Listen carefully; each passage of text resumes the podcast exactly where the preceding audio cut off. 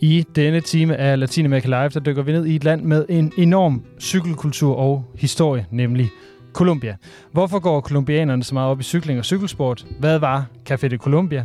Og hvordan har kolumbianerne skridt for skridt erobret cykelverden i form af Lucho Herrera, Nairo Quintana og Egan Bernal?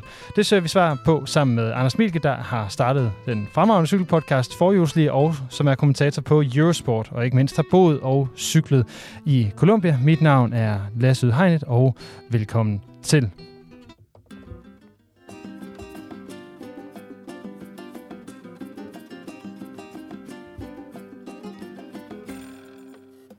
Og så kan jeg også byde øh, velkommen til dig, øh, Anders øh, Milke. Vi, vi har forsøgt at skabe lidt stemning her. Du har taget en kolumbiansk landsholdstrøje på i fodbold, og jeg står her med en Café de Colombia trøje på også, så vi har rigtig, rigtig sat stemning til det. Velkommen til Latinamerika Live. Jo tak, tusind tak. Og uh, tusind tak, for at du havde tid til at, og lyst til at komme forbi studiet og, og tale med om uh, kolumbiansk cykling her den her lørdag eftermiddag.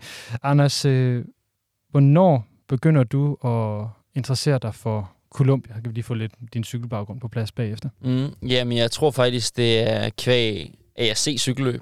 Øh, først og fremmest at se de her vilde, passionerede fans øh, langs vejene i bjergene, som øh, står og hylder deres helte. Øh, altså det tror de jeg, kolumbianske fans? Kolumbianske fans, ja. ja. I Alberne og i, i Giroen og i Vueltaen og i turen. Øh, det tror jeg sådan, som ung, det var jeg ret fascineret af. Og kvæg, jeg har selv boet i, øh, i Tanzania, øh, da jeg var barn, så tror jeg sådan lidt, der var noget fremmed med Colombia også, dels fordi, at jeg også øh, læste, øh, jeg havde spansk i gymnasiet, og jeg havde en eller anden drøm og, og et ønske om at, at rejse et sted hen.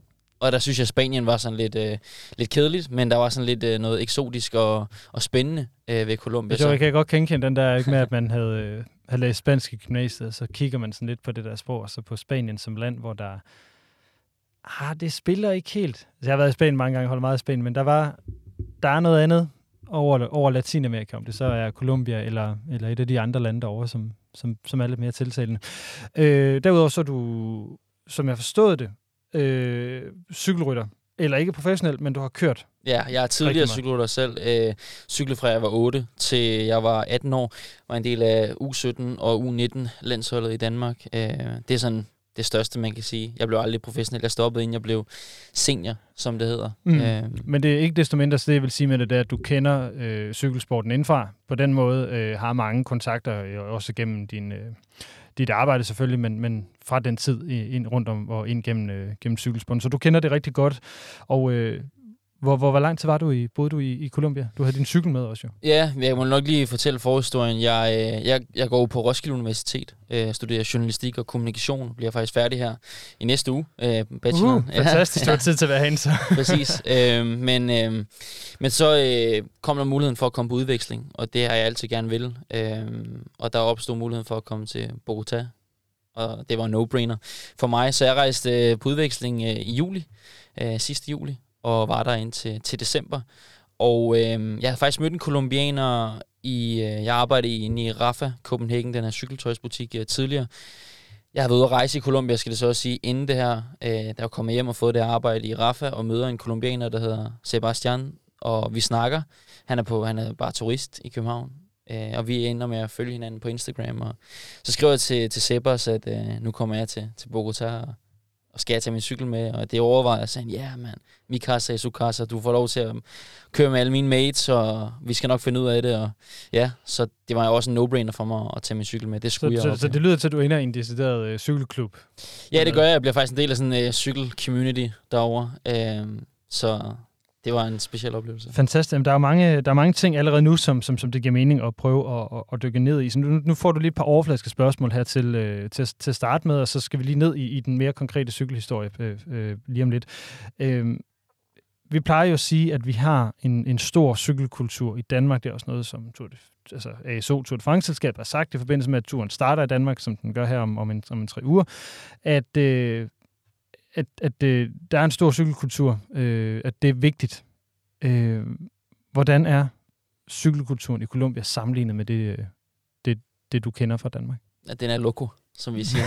den, er, den er et andet niveau, øh, og der vil jeg bare tage med tilbage til min, min første træningstur i øh, Colombia. Jeg bor i Bogota, der Øh, der er 11 millioner mennesker i den by, meget, meget stor by. Men øh, Sebers, min øh, kammerat, kommer og henter mig på cykel og siger, at vi skal ud til Patios. Det, det er bjerg, som alle skal ud af byen for, for at komme ud i terrænet.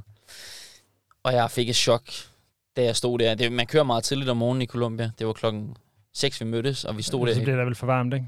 Nej, det er jo egentlig ikke, fordi det blev øh, for varmt, men det er også i forhold til trafikken og, okay. og alt det her. Øhm, men det var helt sindssygt, da, man, da jeg kører ind i bunden af det her bjerg, så føles det, som om jeg skal til at deltage i en Grand Fondo.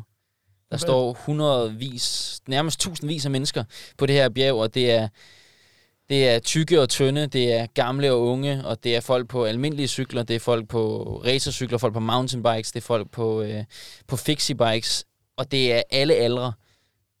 Alle mødes bare der for at, at komme op ad det her bjerg og for at starte deres weekend ud og cykle. Og der var jeg sådan, jeg havde godt hørt, at, at det var en vild cykelkultur, men der blev jeg lidt uh, mindblown, da jeg, da jeg så, hvor stort det egentlig var. Ja, mange, mange mennesker, hvis du sådan gætte på, der er på sådan en bjerg der. Jeg tror, der har været, øh, der er nok tusind sådan en morgen. Ja, det lyder, det lyder hæftigt. Og der er jo også biler. Men bilerne er så søde nok, for de ved godt, at, at det er en del af gamet, at i weekenderne, der er det altså der er det cykelrundernes øh, asfalt.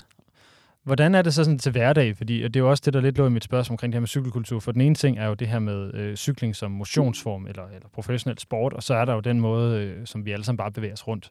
Øh, mit kendskab til Latinamerika er, at cykler er en forholdsvis øh, hasarderet affære at køre rundt på. Ja, særligt fordi, at Bogotá er en meget, meget stor by, som jeg sagde, 10 millioner mennesker, så det er meget svært at commute. Altså, det, det, når man siger, at Danmark har en stor cykelkultur, så tror jeg også, at man, man lægger det meget over på København, hvor alle kan cykle, fordi vi har cykelstier. Det er ikke helt det samme i, uh, i Colombia. Uh, så, så det er ikke alle, der cykler på den måde som commute, men når de først kommer ud af byen, så er det, som jeg siger, så er det helt crazy, hvor mange uh, cykelruter der er. Men sådan den generelle opfattelse af cykling, jamen, uh, det er en del af alles kendskab i, uh, i Colombia. Du kan altså spørge, som sport? Fuldstændig. Du ja. kan spørge alle på min alder, selv piger, og de vil vide, hvem Egan Bernal er, de vil vide, hvem Nairo Quintana er, de vil vide, hvem øh, uh, Rigoberto Urán er. Mm. Ja, Uran ham har fuldstændig øh, glemt i mine, mine noter, faktisk. Han er også en ret stor, ret stor rytter. Øhm, hvordan er det... Altså, vil du prøve at uddybe den her, den her kultur? Altså, det, du siger, at alle kender til det. Øh, der er tusind mennesker ude på et, et, et bjerg øh, uden for Bogotá hver, hver lørdag morgen, fordi det, det er det, man gør, man cykler. Hvordan, øh, hvordan er det ellers? Altså, nu tænker jeg sådan på i forhold til dækning af løb, rent journalistisk. Altså, hvordan kan du mærke, at det fylder i, i, i livet for, for kolumbianerne? Uh, jeg har jo lige været nede og dække øh, Giroen faktisk, uh, Giro d'Italia, som uh, reporter. Og der var også kolumbianske reportere med. Uh, og også uh, reporter for, for Ecuador. Uh, og der er bare en helt anden uh, passion for det. Uh, det er jo ude med fø- følelserne ude på tøjet. Og det ved du også selv, uh, latinamerikanere. Det er jo uh, det er med følelserne ude på tøjet. Og og øhm, jeg tror sådan, det er det bedste eksempel, jeg har på, hvor stor cykling er, hvor, hvor stor den her øh, helteopfattelse, der er af rytterne, det er, at jeg var ude at rejse på et tidspunkt i Colombia, og kommer ind i den her lille by, der hedder Jardín Antioquia, hvor jeg får en øl med min, øh, min hostelejer. Øh, og jeg kommer til at kalde ham, øh, jeg kommer til at kalde ham øh, patron oh, ja, det, det er lidt farligt. ja, og mit, mit spanske var ikke så godt på det tidspunkt, og han sagde, det er altså kun en narkobaroner, øh, man kalder patron. Og så må jeg sige undskyld, undskyld, og så begyndte jeg så at kalde ham jefe. Øh, men så begyndte jeg at spørge ham lidt ind til sådan, det her med... Det er jo ikke nogen hemmelighed, at de har en, en dårlig historie, øh, Colombia, med, øh, med narkokrig og Pablo Escobar og alt det her. Og så siger han, øh, ikke noget ondt, Anders, jeg elsker dig, og jeg kan godt lide dig, men, men det er problemet med, at det er det, vi er frustreret over, det er det, vi er flove over, at turister, folk fra Vesten, de kommer til Colombia, og de vil høre om det her. Hvorfor spørger I os ikke ind til Fernando Gaviria, James Rodriguez, Radamel Falcao, eh, Egan Bernal, Nairo Quintana? Det er dem, de er stolte af, og det er dem, de, de lever deres liv igennem. Og når en kolumbianer vinder, for eksempel i Giroen, da Santiago Buitrago vandt en etape her, så vågner hele Colombia op og ser det som hele landets sejr der var, nu, nu, nu nævner du det her med, der rapporter og så videre. Altså, for, øh, for kolumbianerne, der er det jo forholdsvis svært at følge med. Ikke? Altså, der er en tidsforskel på syv timer, sådan som min hovedregning lige ja. bare, bare det er, 6-7 timer. Og det vil så sige, at hvis man skal se en Giro-etappe, så skal man tidligere. Ja, det skal du. Mm. Og det gør de. Fordi jeg var nede i Giroen, og det bimlede og bamlede min WhatsApp-gruppe fra Colombia hver gang, at, øh, at de var kommet i mål. Så de står tidligt op for at se det her. Øh, det er klart, at der er nogle løb, der mindre vigtige end andre, og mere vigtige Klar, end men andre. en, en Grand Tour. En Grand Tour, der står de op, og der, der sidder de og ser det. Og jeg var selv derovre under turen. Er det sådan, uh, undskyld lidt, jeg afbrudt her, er det sådan lidt som at tale om, øh, hvad skal vi kalde det, slutrundefeber? Altså i I- forhold til fodbold? Ja, specielt hvis der er en kolumbianer, der ligger til at vinde. Det har jeg så heldigvis, eller desværre ikke prøvet før. Men jeg kender jo alle mine venner, de var i Colombia det år i 2019, da Egan Bernal han vinder turen, og der var, ja, jeg tror man kan sammenligne lidt med EM92 herhjemme. Øh, Det stak fuldstændig af. Øh, Den første kolumbianer, den første latinamerikaner til at vinde Tour de France, det, det er noget af det største nogensinde. Vi, øh, vi skal nemlig også lidt, lidt dybere ned i, i Banal, og, og nogle af de andre navne her, her lige om lidt, øh, fordi nu... Øh, jeg, jeg har peget, øh, skal jeg tænke mig om, jeg, jeg har taget tre eller fire ud, som, øh, som, som jeg synes er vigtige, når vi skal tale om det her. Så må du selvfølgelig meget gerne mm. Få nogen til, men, men er, du, er du klar på, at vi dykker ned i, Ja, i nogle af de her kolumbianske navne?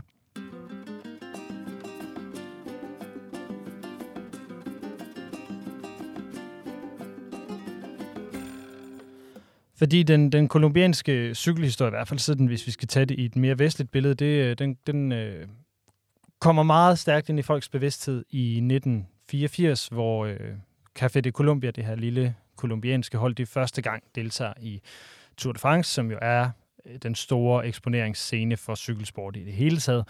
Og der, øh, på det her tidspunkt, det er det, der gør det lidt sjovt, fordi der er man jo amatør. Øh, eller rytterne på de her, på det her Café de Colombia hold er egentlig amatørrytter. Og der har de en, øh, en lille, øh, jeg vil næsten kalde ham indianer. Sådan ser han øh, næsten ud, øh, øh, Luis Herrera, eller Lucho Herrera. Øh, hvem er øh, Lucho Herrera?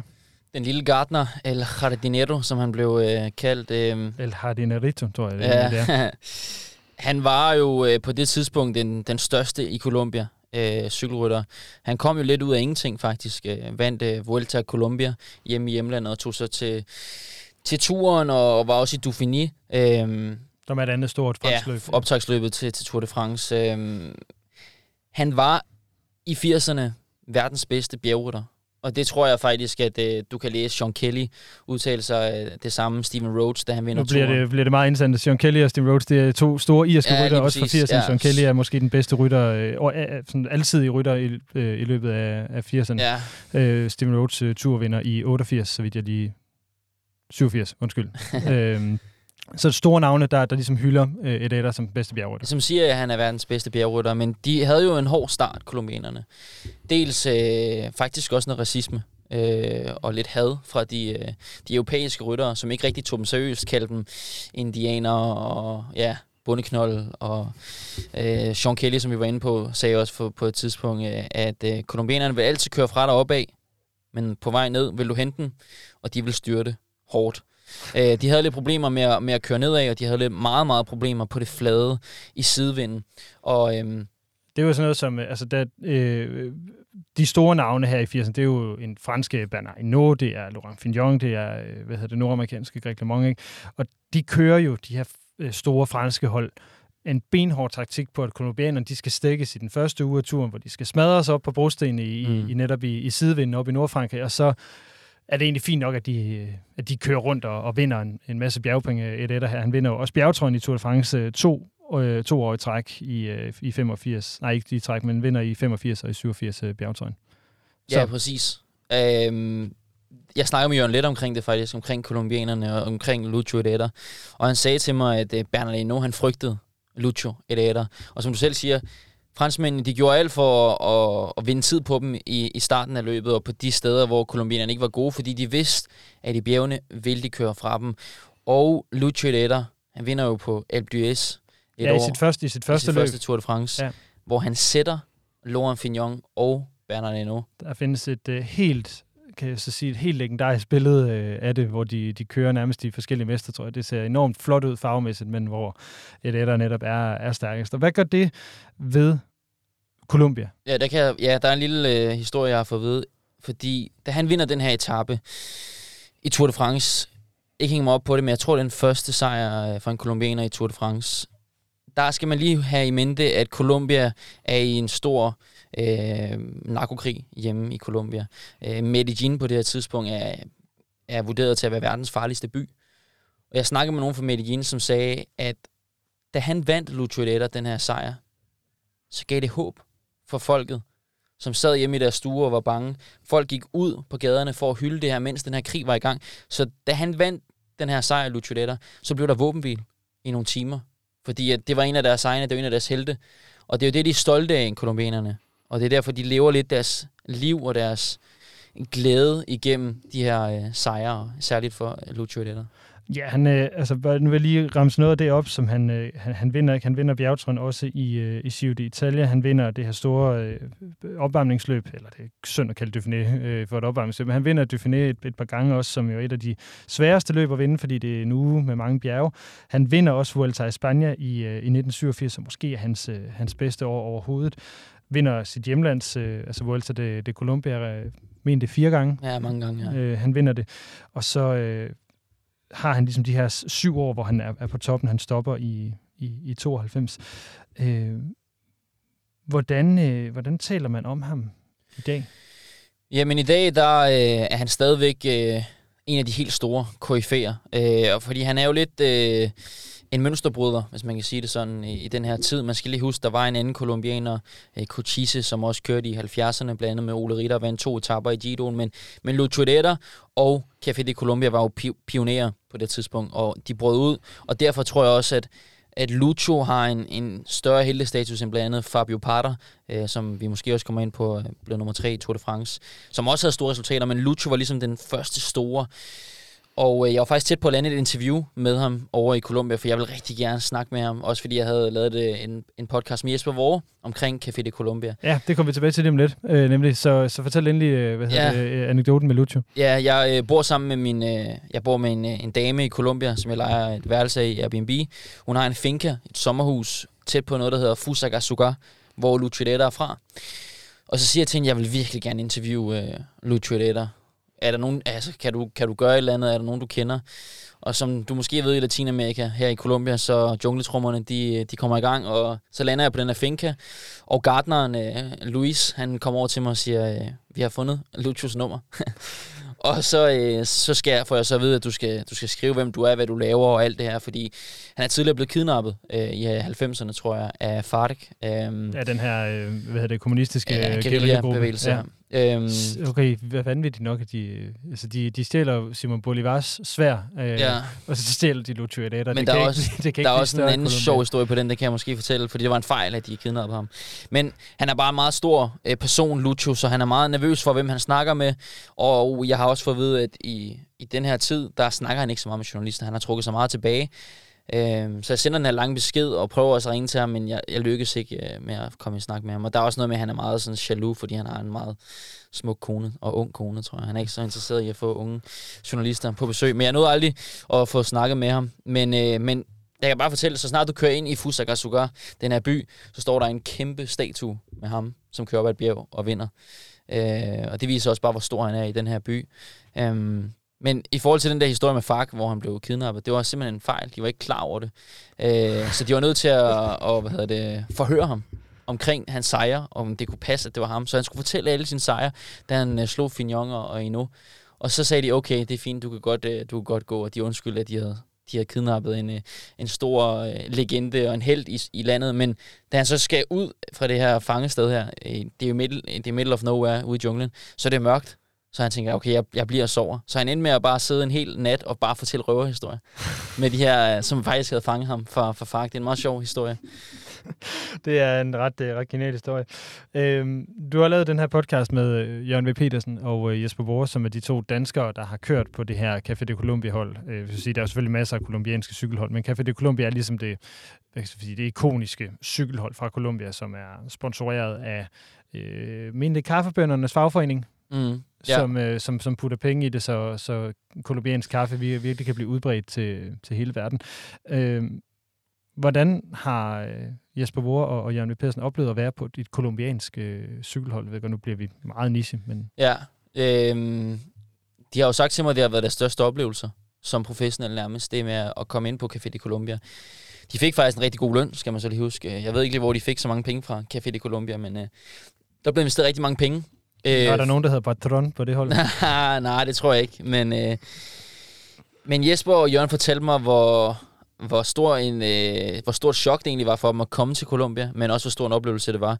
Ja, fordi det, nu, nu, det er jo så, nu, vi er inde i cykelsportens verden, som, som måske er, er lidt svært for, for, for mange af dem, der lytter med, og lige at, at kende til på den måde. Så normalt så er det sådan, at man bor, hvor man bor, og så mødes man til løb. Men de, de skal simpelthen til Colombia. Ja, de skulle på træningslejr i uh, Colombia, inden sæsonen startede, og det er jo i slut 80'erne, det her stadigvæk i Escobar-æren, øh, øh, hvis man kan sige det sådan. Øhm, jeg tror godt, man kan. Så der, øh, ja, så der er stadig problemer i landet.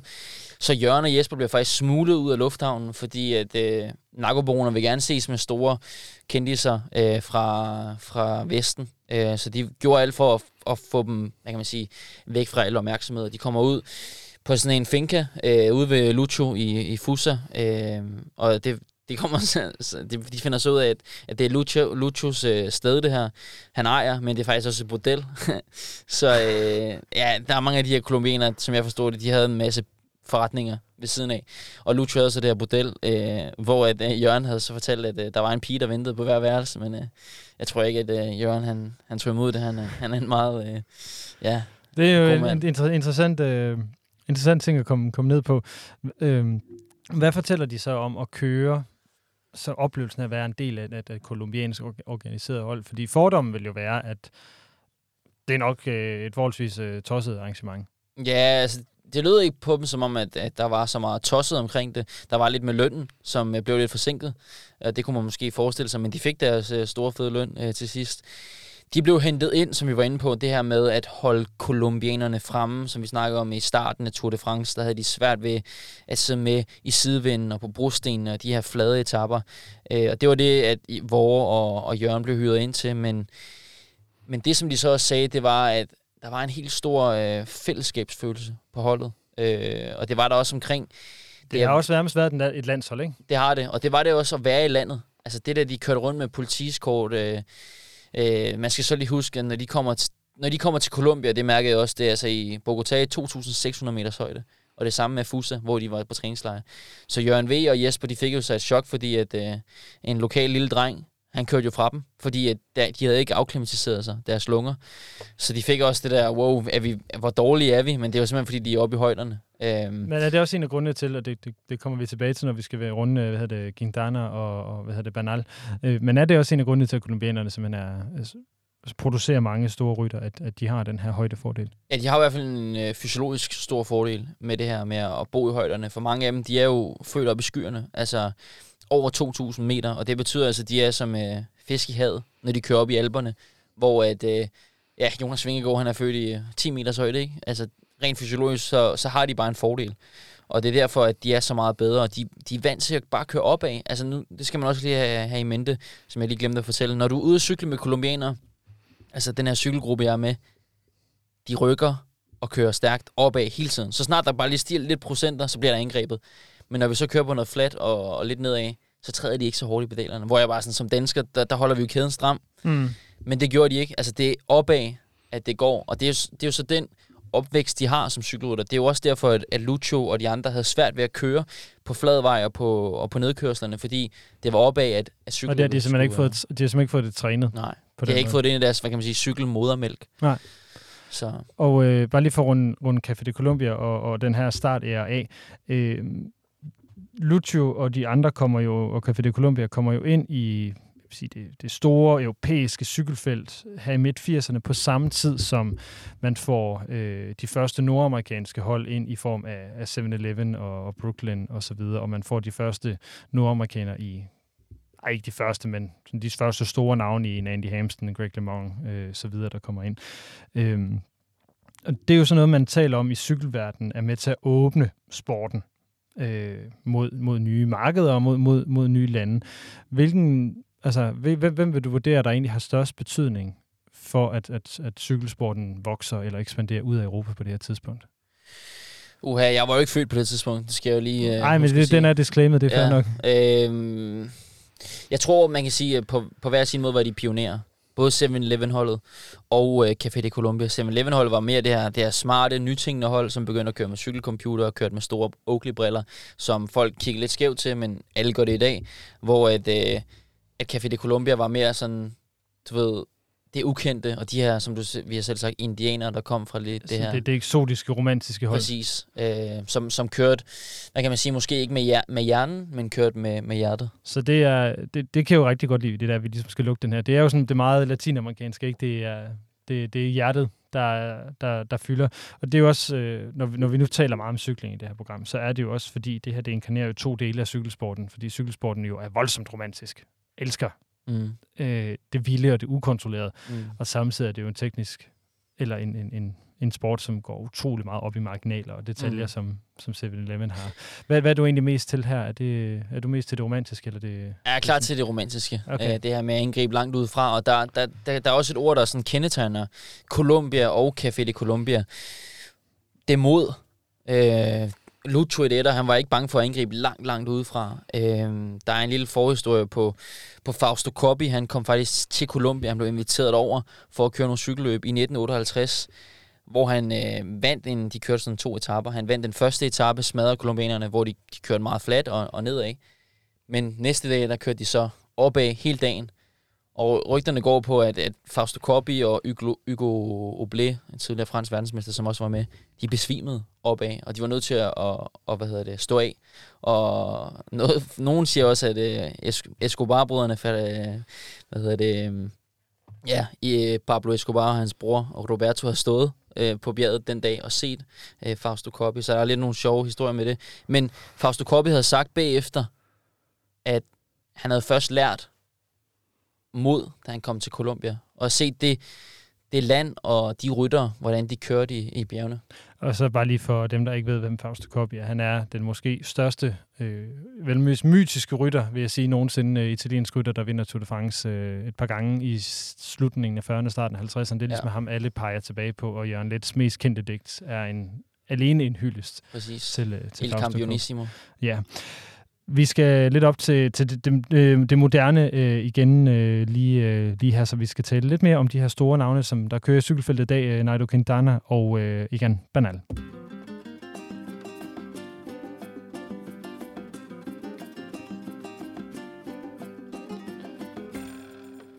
Nu nævnte du, øh, Anders, her før, at, øh, at kolumbianerne de er født i skyerne.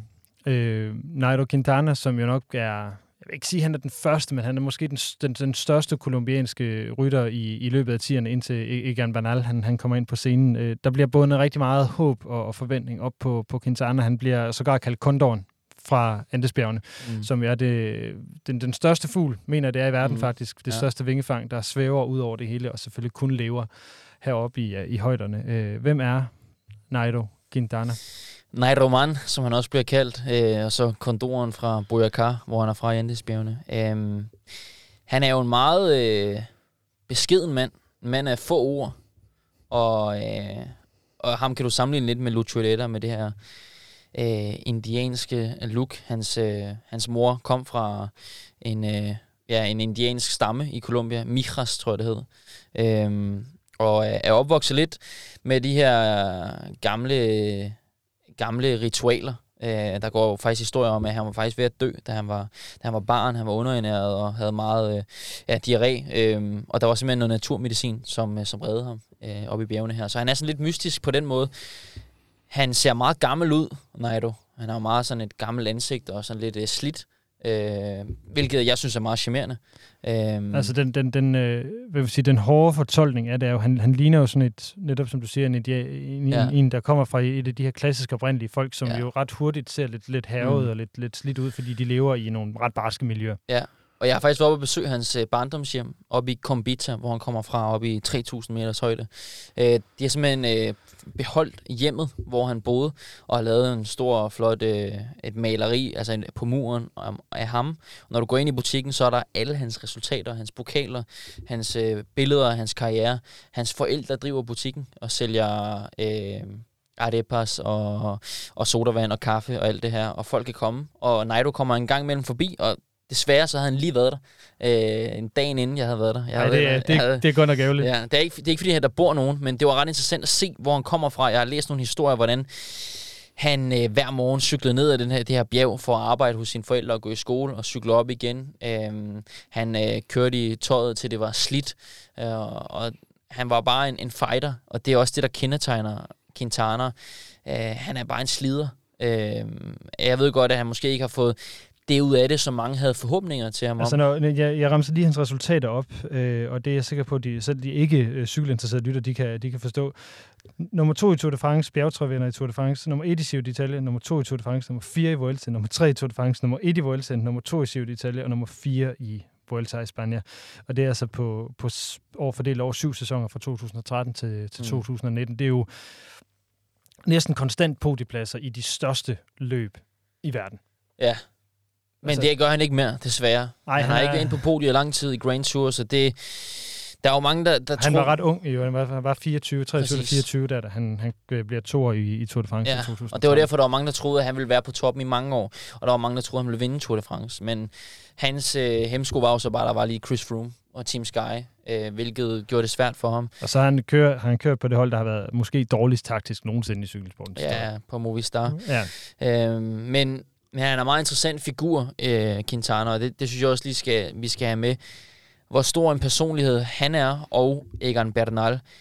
Der er, jeg tror, der er en cykelrytter i, i verden, som har flere følgere end de her kolumbianer på Instagram, og det er Peter Sagan. Ellers så ligger Rigoberto Duran nummer to, Quintana nummer tre, så tror jeg, at øh, Bernal ligger nummer 4 sammen med Froome. Og det viser bare, hvor store de her de er, øh, også i hele Latinamerika. De bliver hyldet, og jeg kan hilse fra i, i Gidoen, der går de egentlig sammen, hele Latinamerika, om Richard Carapaz, som er fra Ecuador, men kolumbianerne, de hæpper på ham, som han var en af deres egne. Øhm, Quintana og Bernal, de går faktisk ud i pressen her, der skal være valg i, i Colombia nu, og ud og, og viser og siger, hvem de stemmer på. Okay, bare ren nysgerrighed. Hvem, hvem har de så stemt på? Stemt på Pedro? Uha, nu, nu, nu øh, jeg følger ikke så meget med i valget. Nej, fair nok. Så øh, jeg ved bare, at, øh, at de har en stor stemme, og, og Bernal er meget aktiv på Twitter, og giver sine politiske øh, overbevisninger til kende, og Quintana gør det samme. Så de er de, de to vigtige personligheder, ikke kun i cykelsporten, men altså også øh, i landet. Så sådan i det, det offentlige rum, der er de, der er de meningsstænder på ja. den måde? Hvordan, øh, hvordan taler folk om, om Quintana, når du har talt cykel med kolumbianerne om ham? Ja, men jeg havde faktisk en snak, hvor vi sammen med min øh, cykelgruppe, hvor vi fik en øl, og så spurgte jeg mig egentlig ind til, hvem, hvem er egentlig den, den, den vigtigste cykelrytter i Colombias historie. Og de blev ret hurtigt enige om, at det er enten øh, det, det er Lucho Herrera fra, fra 80'erne, Quintana, fordi han ligesom brød igennem, han var lidt en mønsterbryder øh, igen. Man skal lige huske, at 90'erne og 80'erne, der er den, øhm, øh, hvad hedder det, den mest hyppige øh, dødårsag for, for mænd, det er mor i Colombia. Øh, så der er faktisk en hel generation, der forsvinder. Og det er også grunden til, at vi ikke ser så mange kolumbianere i startnullerne, men de så kommer igen i tierne. Øh, så Quintana kommer ligesom tilbage igen efter det, vi så med, med Lucho Herrera. Og så siger de så ikke om Bernal, bare fordi han har vundet Tour de France, fordi hvis du sætter Bernal op, op mod Quintana, så, så det er kun det Tour de France, der trumfer. Øh, Quintana har jo opnået meget mere. Ja, altså nu er han jo også, øh, hvad hedder det, næsten 10 år ældre end, øh, end, end, end Egan Bernal. Og grunden til, at Bernal selvfølgelig er med, er jo den her øh, forjættet, vil jeg næsten sige, Tour de France-sejr. Ja. Som, som betyder ekstremt meget for, for kolumbianerne, hvor, altså nu har vi jo selv prøvet det i Danmark en enkelt gang med, øh, med Bjørn Ries, men, men det har jo ikke været, på samme måde har vi jo ikke haft ryttere, danske rytter, der har været op og dominere den internationale cykelscene på det niveau. Han havde en, en Leif Mortensen tilbage i 70'erne, som var en dygtig rytter, men mere som vi kender det i dag med Jakob Fuglsang, en der kørte i top 10, og som måske kunne have gjort sig håb om noget, hvis alt sol, måne og stjerner havde stået lige, og nogle andre var væltet. Mm. Så hvad, hvad er det, Egan Banal, han, øh, altså, hvad forløser han i, i, i Colombia? Han forløser jo noget, som aldrig var sket før. Og øh, da Egan Bernal kommer hjem til Colombia, kommer hjem til Sibakira, hvor han er fra, der siger han, at den her sejr, den her gule trøje, den er til alle mine landsmænd, som er kommet før mig, og som har vist vejen. De andre cykelrytter fra Colombia, som ikke lykkedes med det, men som fik sat Colombia på landkortet, og som fik sat gang i udviklingen, og som var de her pionerer, som fik åbnet øjnene op for, for at Colombia også kunne, kunne gøre sig i cykelsport. Nu, øh, nu har vi jo sådan foldet lidt, lidt mere ud, hvad, hvad Lucio Aneta var, altså som, som bjergrytter, den bedste bjergrytter i, i sin generation og i sin tid. Øh, hvor vil du sætte, sådan, eller hvordan vil du karakterisere sådan Quintana og, og, og Bernal for, for lige at få en lidt bedre forståelse af dem som, som rytter? Man kan jo sige, at de har fået en noget bedre skole øh, end, øh, end Lucio Aneta, fordi at Quintana har faktisk udviklet sig rigtig meget i forhold til at sidde i sidevind og det her med det flade. Han er faktisk en af de bedste sidevindsryttere i år, når du har set nogle af de her, jeg ved godt, det bliver meget nørdet nu, men det er, de, det er så fint. de franske løb, der er blevet kørt i år, Quintana har altid siddet forrest øh, i sidevind. Så han har virkelig udviklet sig. Øh, Bernal er ligesom Edetta og Quintana en grimpør, som vi kalder det i cykelsporten. En rigtig bjergrytter, har et godt tråd i bjergene og er ikke bange for at angribe udefra, ligesom de to andre. Så man, så man jo ved hans sejr i 19, hvor han laver et, et, et, et meget massivt angreb på en, en, en etape med forfærdelig vejr. Og langt udefra også. Mm. Øh, og det samme så vi i Giroen sidste år, på nogle af de etapper, hvor han altså også vandt Giro d'Italia, øh, Egan Bernal. Øh, så de, de er selvfølgelig blevet... De, du kan sammenligne dem lidt med Lucio og så bare er, der, er værktøjskassen til dem, deres kvaliteter er bare blevet større, fordi udviklingen i cykelsporten er altså også, de er blevet klogere i Colombia. Bernal og Quintana er altså rejst til Europa tidligt. Man skal huske, Lucietta, han rejste bare til Frankrig og kørte cykelløb med det samme. Han havde ikke kørt på nogen europæiske cykelhold inden. Så, så naturligvis har de, har de udviklet sig meget mere. Og Bernal er en del af Ineos-holdet, som er verdens største cykelhold. Altså det, som, det, som hed Team Sky, Team Sky ja. før i tiden. Verdens rigeste cykelhold. Så ja. han får jo de bedste de bedste hvad hedder det, forhold for at uh, performe for. Han har de bedste coaches og, og mekanikere omkring sig og rytter. Og øh, altså vil sige, Bernal er jo lige nu øh, ude med en øh, meget grim rygskade, efter han, han kørte ind i en lastbil på en, øh, en, en hvad hedder det, enkeltstartcykel her ja. øh, på under træning hjemme i Colombia. Hvor, hvor typisk er det, at de træner hjemme i Colombia, de her rytter? Jamen, de tager hjem altid øh, i off-season, som vi kalder det, mellem øh, oktober og øh, december. Og så er der også blevet åbnet op for... Ja, februar, hvis, øh, hvis man skal være lidt grov, ikke? Jo, det, det, det, er, det, det er meget forskelligt fra rytter til rytter. Øh, og så er der også nogen, der rejser hjem i løbet af sæsonen, hvis de har noget træningspause. Fordi det er nemlig rigtig godt at træne hjemme i Colombia, på grund af højderne, så de kan få den her højdetræning op øh, i højderne. Men lige den der, det der styrt med, med Bernal, der var jo også landesår i Colombia med det her styrt. Altså, pressen stod jo øh, og, og, altså, ved det her hospital, altså 24-7, for at få en kommentar, hvad der skete. Det var på alle sider, på alle sociale medier i Colombia. Vores held, Bernal, havde nærmest mistet livet, og det kunne koste hans karriere. Øhm, så det var en meget, meget stor historie. Øhm, og det viser også bare, hvor, hvor stor en personlighed han er i, i landet. Jeg kan lige sætte en streg under. Han, han er, som du siger, den første latinamerikanske vinder af Tour de France, og så er han faktisk også den yngste vinder af Tour de France siden 1909. Det er en, altså det var en historisk på alle måder præstation, da han, øh, da han vandt, og så vandt han så Giro d'Italia her, her sidste år. Øhm, inden vi lige kommer tilbage til, øh, til at tale mere om, om øh, mindre om de her specifikke rytter, så vil, vil jeg lige prøve at høre, hvad, hvad vil du sådan som, som øh, cykelkommentator vurdere, øh, hvor, eller hvad vil du vurdere, at Banal han kan, han kan nå at blive? Ja, det er jo... På trods af hans, hans, hans ja. skade. Han, han er, han, det ligner, at han er på vej tilbage, på trods ja. af, at han, han fik et brud på nogle rygvivler og så videre. Ja, og, og brækket ben og... Og det, lidt flere Ja, det skader. er, han har rigtig mange øh, ja, brækket knogler. Det er meget svært at spå, fordi vi har ikke set ham i aktion siden. Øh, Ja, man kan sammenligne det lidt med Chris Froome, som havde et meget grimt styrt, hans gamle holdkammerat, som ikke rigtig er kommet tilbage. Jeg tror dog så, at... Også en ellers forskel på knap 10 år på dem. Præcis. Jeg tror dog så, at, at Bernals styrt ikke var så slemt. Øhm, men man skal også bare lige have i mente, at øh, der er sket meget, siden Bernal vandt turen i 2019 der er kommet Tadej Pogacar. Øh, fordi da, da Bernal vandt turen, der troede vi, okay, han ville være den nye Lance Armstrong, han ville vinde syv år i streg. Men niveauet blandt de unge er bare steget, og der er kommet nye til. Så jeg tror og håber på, at øh, Bernal kommer tilbage. Og jeg ved, at han har et meget stort mål om at vinde Vueltaen også, fordi han vil gerne have alle tre Grand Tours på CV'et. Ja, øh. så, men det, vi, det alle cykelfans går og håber på, eller havde håbet på, det var, at vi havde, til den her sommer skulle have set Pogacar, Bernal, øh, Roglic, ja. øh, og hvem der nu ellers vil ligge i, i det felt der, ikke? Øh, vi satser på, at Banal han kommer tilbage til, øh, til Tour de France næste år, så vi kan få lov til at se det her i, øh, i aktion. Men øh, jeg tænker, vi skal med, i hvert fald med, for, for andet end sidebemærkninger øh, forlade de, de store kolumbianske cykelnavn her, og så dykke lidt tilbage til, øh, til det, du oplevede, og til øh, hvad man siger, den deciderede cykelkultur, der er i Colombia.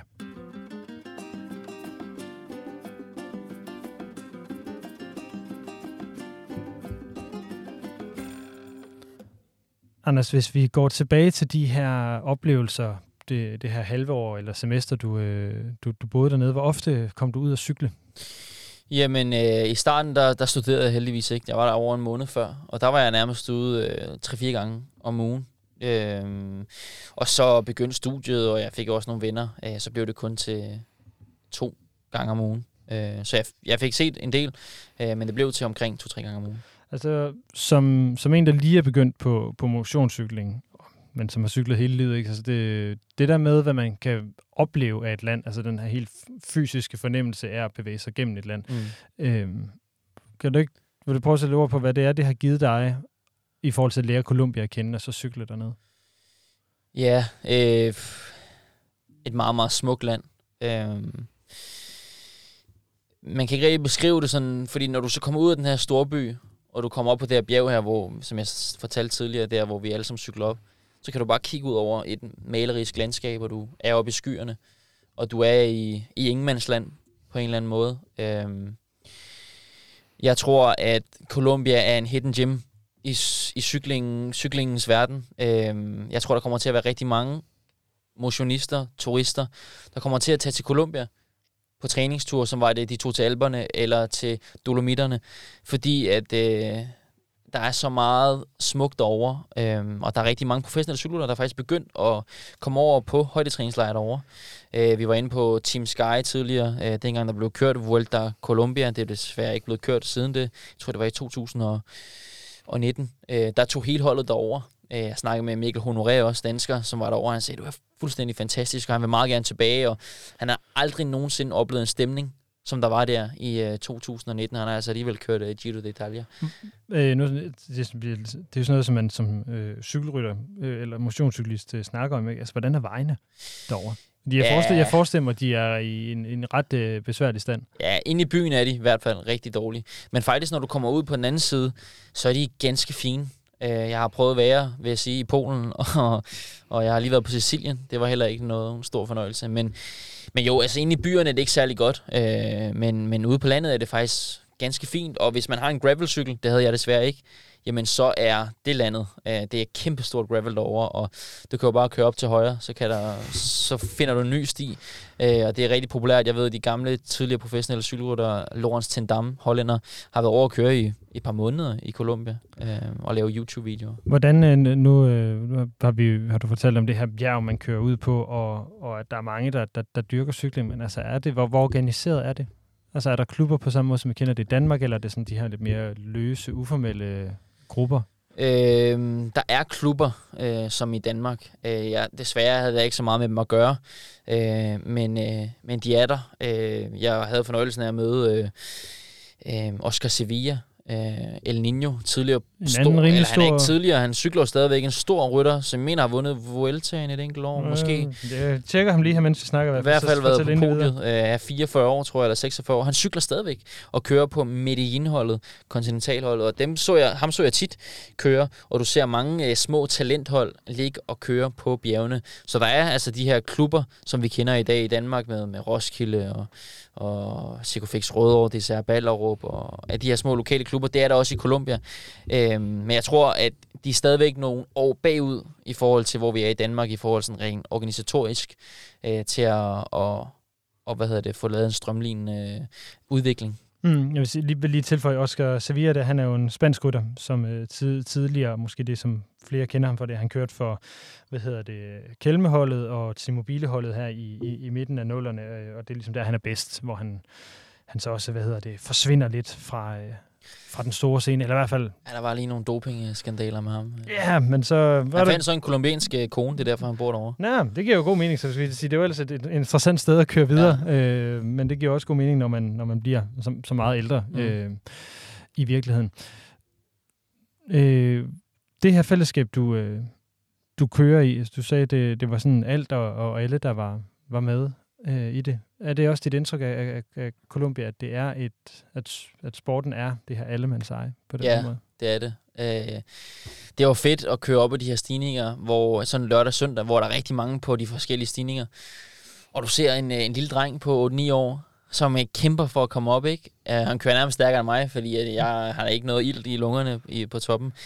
Men uh, sådan, alle råber ham op af bjerget, vamos, vamos, campeon, campeon, øh, eh, siger du den nye Egan Bernal. Øh, der er bare sådan en, en stemning af, at, at alle holder sammen, og sådan synes jeg også, det generelt er på de danske landeveje, men, men der er bare noget specielt over det, øh, fordi som du også ved, i, i Colombia eller i Latinamerika, du bliver hurtigt venner med hinanden, og der skal ikke så meget til, for at man lige tager en kop kaffe, eller lige får en sludder øh, på cyklen, hvor vi i Danmark er lidt mere kolde. Så der er en større... Ja, der, der har man sin marker, og så, øh, ja, men så skal vi sgu heller ikke Du må lige... ikke sidde på jul af mig. Og, altså, det er noget helt andet i Colombia. Øh, og der kan du øh, hurtigt lave et lille cykelløb op ad et bjerg, hvis du møder nogen. Og så, øh, som vi siger, ja, forhjulsliger hinanden. Øh, så kører man lidt op ad, op ad bjerget der, og så på toppen, så får man lige en high five og tak for turen. Ja, ja. Så. og det er... Altså nu er det jo det, du har oplevet her omkring øh, øh Bogotá, at, at hvor, hvor er, cykel, er der et sted, cykelsporten er større, end er nok det, jeg er mest nysgerrig på? Fordi det er det, man også nogle gange, du ved, har med, så er fodbold størst her, fordi der har du det store hold, eller, eller du har de rigtige, øh, hvad kan man sige, bjerge, eller, eller de rigtige bakker, at man, man nu kan få nogle steder, hvor tingene de fylder så, så utrolig meget. Jeg tror, at de to epicentre i cykling i Colombia, det er, det er Medellin først. Jeg tror, det er den, det er den største. Jeg, jeg havde desværre ikke min cykel med i Medellin at køre. Øh, det er der blandt andet Rigoberto Urana fra, og Fernando Gaviria også tæt på. Øhm, det er meget stort derovre også, og det, de har også et rigtig godt øh, cykelhold, øh, kontinentalhold. Og så i Bogota. Men, men mange af de store talenter, de kommer faktisk sådan lidt ud fra forstederne af Bogota. Øh, Quintana kommer fra Boyacá, som er en region, øh, to timer væk, to og en halv time for, for Bogota. Det samme gør Miguel Angel Lopez, en anden øh, stor kolumbiansk cykelrytter. Daniel Felipe Martinez kommer også lidt uden for Bogota. Og så er det nyeste øh, stjerneskud på stammen, det er så Santiago Buitrago, som lige har vundet en etape i Giroen. Øh, ham så jeg faktisk tit i Bogota. Han kommer også fra, fra Bogota. Så øh, de kan komme fra alle mulige steder i Colombia. Men der er ikke nogen tvivl om, at, at de store byer, og der hvor der bliver arrangeret flest cykelløb, det er omkring Bogota og øh, Medellin. Altså nu har vi jo snakket om cykelkulturen og om de store navne og sådan noget, og, og nu, nu kommer det med million kroner spørgsmål, så i virkeligheden ikke. Øh, hvorfor i alverden er cykling så stort i Colombia? Ja, det er et, øh, det er et godt spørgsmål. Jeg tror, at øh, dels Lucho Herrera og den her øh, heldedyrkelse, der har været omkring deres helte. På, man, på et tidspunkt, hvor tingene så sort ud på præcis, andre at det var ligesom, det gav håb for folk, og det er jo så bare kommet i modermælken til den nye generation. Og så, øh, så er cykling jo bare en måde at, at komme ud og opleve landet på, og en måde at røre sig på. Og så er det også et transportmiddel for mange øh, bønder, hvis man kalder det, arbejder i Colombia, som tager cyklen ud fra landet, op igennem bjergene og ind til Bogota. Og det er jo også en måde på, okay, det er en måde at commute, at transportere sig på, men det er også en måde at cykle på. Altså, det er, en del, det er både en, en følelse af at, øh, at, at cykle og være ude i det fri, men det er også et transportmiddel øh, for, for den lavere øh, middelklasse i Colombia. Altså nu, det her med, med cykler, det kan jeg, jeg har selv rejst i, i Tanzania, hvor, hvor du fortalte, du også har boet der. der. Der ser man jo også øh, cykler som værende sådan en ret øh, central del af en infrastruktur, og det er, hvis du har en cykel, så har du en, en væsentlig fordel. Hvor udbredt er det at have en, en cykel i Colombia? Det er faktisk, øh, nu var jeg jo meget sammen med, med unge på min alder, som ikke cyklede. De havde ikke en cykel som sådan, medmindre de, de gik til cykling. Øh, men øh, Ja, det, det er svært at svare på, øh, fordi som jeg sagde, i Bogotá er det ikke så almindeligt at, at commute inde i byen. Øh, men så er der en masse, der cykler. Ja, det er altså. også det ting, fordi du, du fortalte, du, du også har backpacket i landet, ikke? Altså, ja. det, er jo, det er jo måske på, hvor, hvor, meget, mm. hvor meget ser man cykler sådan i, i ikke, ikke sige gadebilledet, men i vejbilledet? Ja, overraskende lidt i forhold til, hvor stort det er, synes jeg, i de store byer. Mm. Men du kan så tage ud på en hovedvej lidt ud for byen, og så er der bare et menneskehav. Og da jeg var backpacket rundt i Colombia, der tror jeg ikke lige, at jeg var de steder, hvor der blev cyklet så meget. Øh, så det, det er svært at svare på, men, men du kan jo også tage op, altså op til gennem Strandvejen sådan søndag øh, formiddag eftermiddag, så brimler det jo også med, med ja, eller, du kan, eller du kan bare tage en almindelig mandag klokken 5, og så skal ud af Hillerød motorvejen. Præcis. Så, øh, ja, du, jeg tror mere, at du kan sammenligne det med Hillerød motorvejen ja, øh, her der, i København. Der er der godt nok øh, kø. Ja. Og, det, og det, det, er sådan, det er der, du sådan skal se, hvor meget det er, fordi øh, du vil ikke forstå, Lasse, hvor, hvor mange, altså, hvor mange mennesker, der var på det bjerg den første dag, jeg var der. Nej, men det lyder, det lyder helt magisk. Jeg har meget, meget lyst til at tage dig ned. Og hvis jeg nu skulle finde på, eller nogen, der lytter med, jeg skulle finde på at tage ned til Colombia og, og høre om, eller og gerne vil, vil cykle, øh, har du et, et råd her øh, til, hvordan man kunne gøre det? Ja, altså tag din cykel med, øh, og gerne en gravelcykel, hvis du har det. Jeg vil bare lige sige, at der er rigtig mange, der er bange for at rejse til Colombia. Øh, ja, der var faktisk en, en kvinde, der skrev til mig for nylig. Hun havde skrevet ind på en cykelside på Facebook øh, omkring, om det var sikkert at rejse til Colombia. Alle sagde, at det skulle hun ikke gøre, og alt det her. Og så var der en, der så havde skrevet, prøv at tage fat i Anders Milke, som, som har været i, i Colombia. Så tog jeg en lang snak med hende, og man skal bare huske, at i Colombia, der er cykelryttere... Øh, de er fredet på en eller anden måde. Øhm, og det kommer igen tilbage til historien omkring Colombia.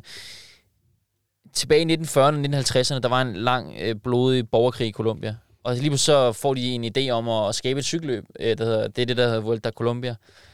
Og folk synes, det var gakket at lave et cykelløb, mens vi er i en borgerkrig. Men det var simpelthen en måde på at holde den her våbenhvile. Da der var blevet kørt cykelløb, der var ingen øh, konflikter, der var ingen krig, der var ikke nogen, der blev skudt, der var ikke nogen, der blev myrdet alle kom ud på vejene. Guerillakrigerne stod i bjergene med deres maskinpistoler og hæppede på cykelrytterne. Øh, så, så cykelrytter i Colombia er som sådan fredet, men der er selvfølgelig, du skal have din, øh, din sunde fornuft med. Øh, ikke køre alene om morgenen ind i de store byer, men øh, tage ud i bjergene og helst gerne sammen med nogen. Øh, hvad hedder og det, det? det er nemt nok at finde nogen, man kan køre med. Ja, yeah, altså ellers så skal jeg nok hooke nogen op med... Jamen, det er, den, den er her medgivet givet videre, at hvis, øh, hvis der er nogen, der lytter med og gerne vil til Colombia, så, øh, så skriv til mig, eller, eller find dig, Anders, ja. et eller andet sted. Og så, øh. Hvis man så er utrygge, så kan man godt øh, lege en, øh, en scooter, der kører med en for 50 kroner, koster det for sådan en dag. Øh, det er der en del turister, der gør, for at føle sig trygge. Jeg tror, det er fordi, de har set de professionelle gøre det. Udan, Quintana og Bernal, men det er simpelthen fordi, at de er så store personligheder, at de skal altså store figurer i landet, de skal simpelthen have en form for sikkerhed omkring sig. Øh, også på grund af, ja... Der vil ikke få sådan en, en ny, ny lutur, det er der situation. ja, Men øh, præcis. Øh, hvor der er nogen, der bliver kidnappet, som... Ej, det synes jeg stadigvæk er fantastisk, at de har kidnappet uden at vide, hvem ja, man er. det var min fejl. så meget for, for kidnapnings... Øh, øh, strategien. Anders, vi har, vi har knap øh, hvad hedder det, et, et, et minut her til, øh, tilbage. Øh, er der noget, du synes, vi mangler at komme omkring, når vi taler om Colombia og, og cykel? Ja, skøn mig, men øh, jeg synes ikke, vi har fået snakket nok om ham, men Rigoberto Urán, han er... Og på den der øh, snak, jeg havde med mine øh, venner, fordi de sagde, Herrera, de sagde Quintana og Bernal som de største og vigtigste, så sagde jeg, hvad med Rigoberto Urán? Så kiggede lidt underligt på mig, så sagde jeg, uden Urán vil der ikke være nogen Quintana og Bernal. Og det er en helt anden historie, men, men Urán var den første kolumbianer, der rejste til Europa. Og han har faktisk været faderen for alle kolumbianske unge cykler, som tog dem til Europa og fik dem, øh, øh, fandt huse til dem, fandt lokale familier, der tog hånd om dem. Så han er en meget, meget stor Han er alfaderen for, for, for mange af de her... Øh, øh, og, og han er også bare en, en kæmpe personlighed i Colombia. Altså hans Instagram han er jo en kæmpe, kæmpe influencer, og folk synes, han er, han er sjov og grineren, og er folk på min alder i Colombia, de kender mere til Oran, end de kender til Bernal og Quintana, fordi han er humoristisk, og han er en gøjler, og han er en, alle kan lide, uh, Oran. Og da landet lukkede ned i Colombia under pandemien, så, uh, så Oran han tog sin telefon og ringede til Fernando Duque, præsidenten, præsidenten i Colombia, og sagde, Fernando, vi skal, have, vi skal simpelthen have et fly til Europa, alle os atleter. Så sørgede Uran for at få alle kolumbianske atleter fra Colombia til, øh, til Europa. Han er en kæmpe chef.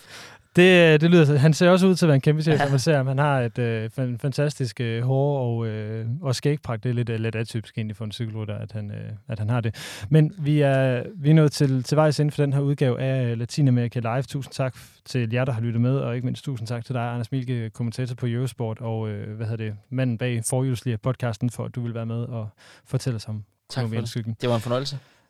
Så er vi færdige med den her uges udgave af Latinamerika Live. Vi stiller om til nyhederne her på 24 /7.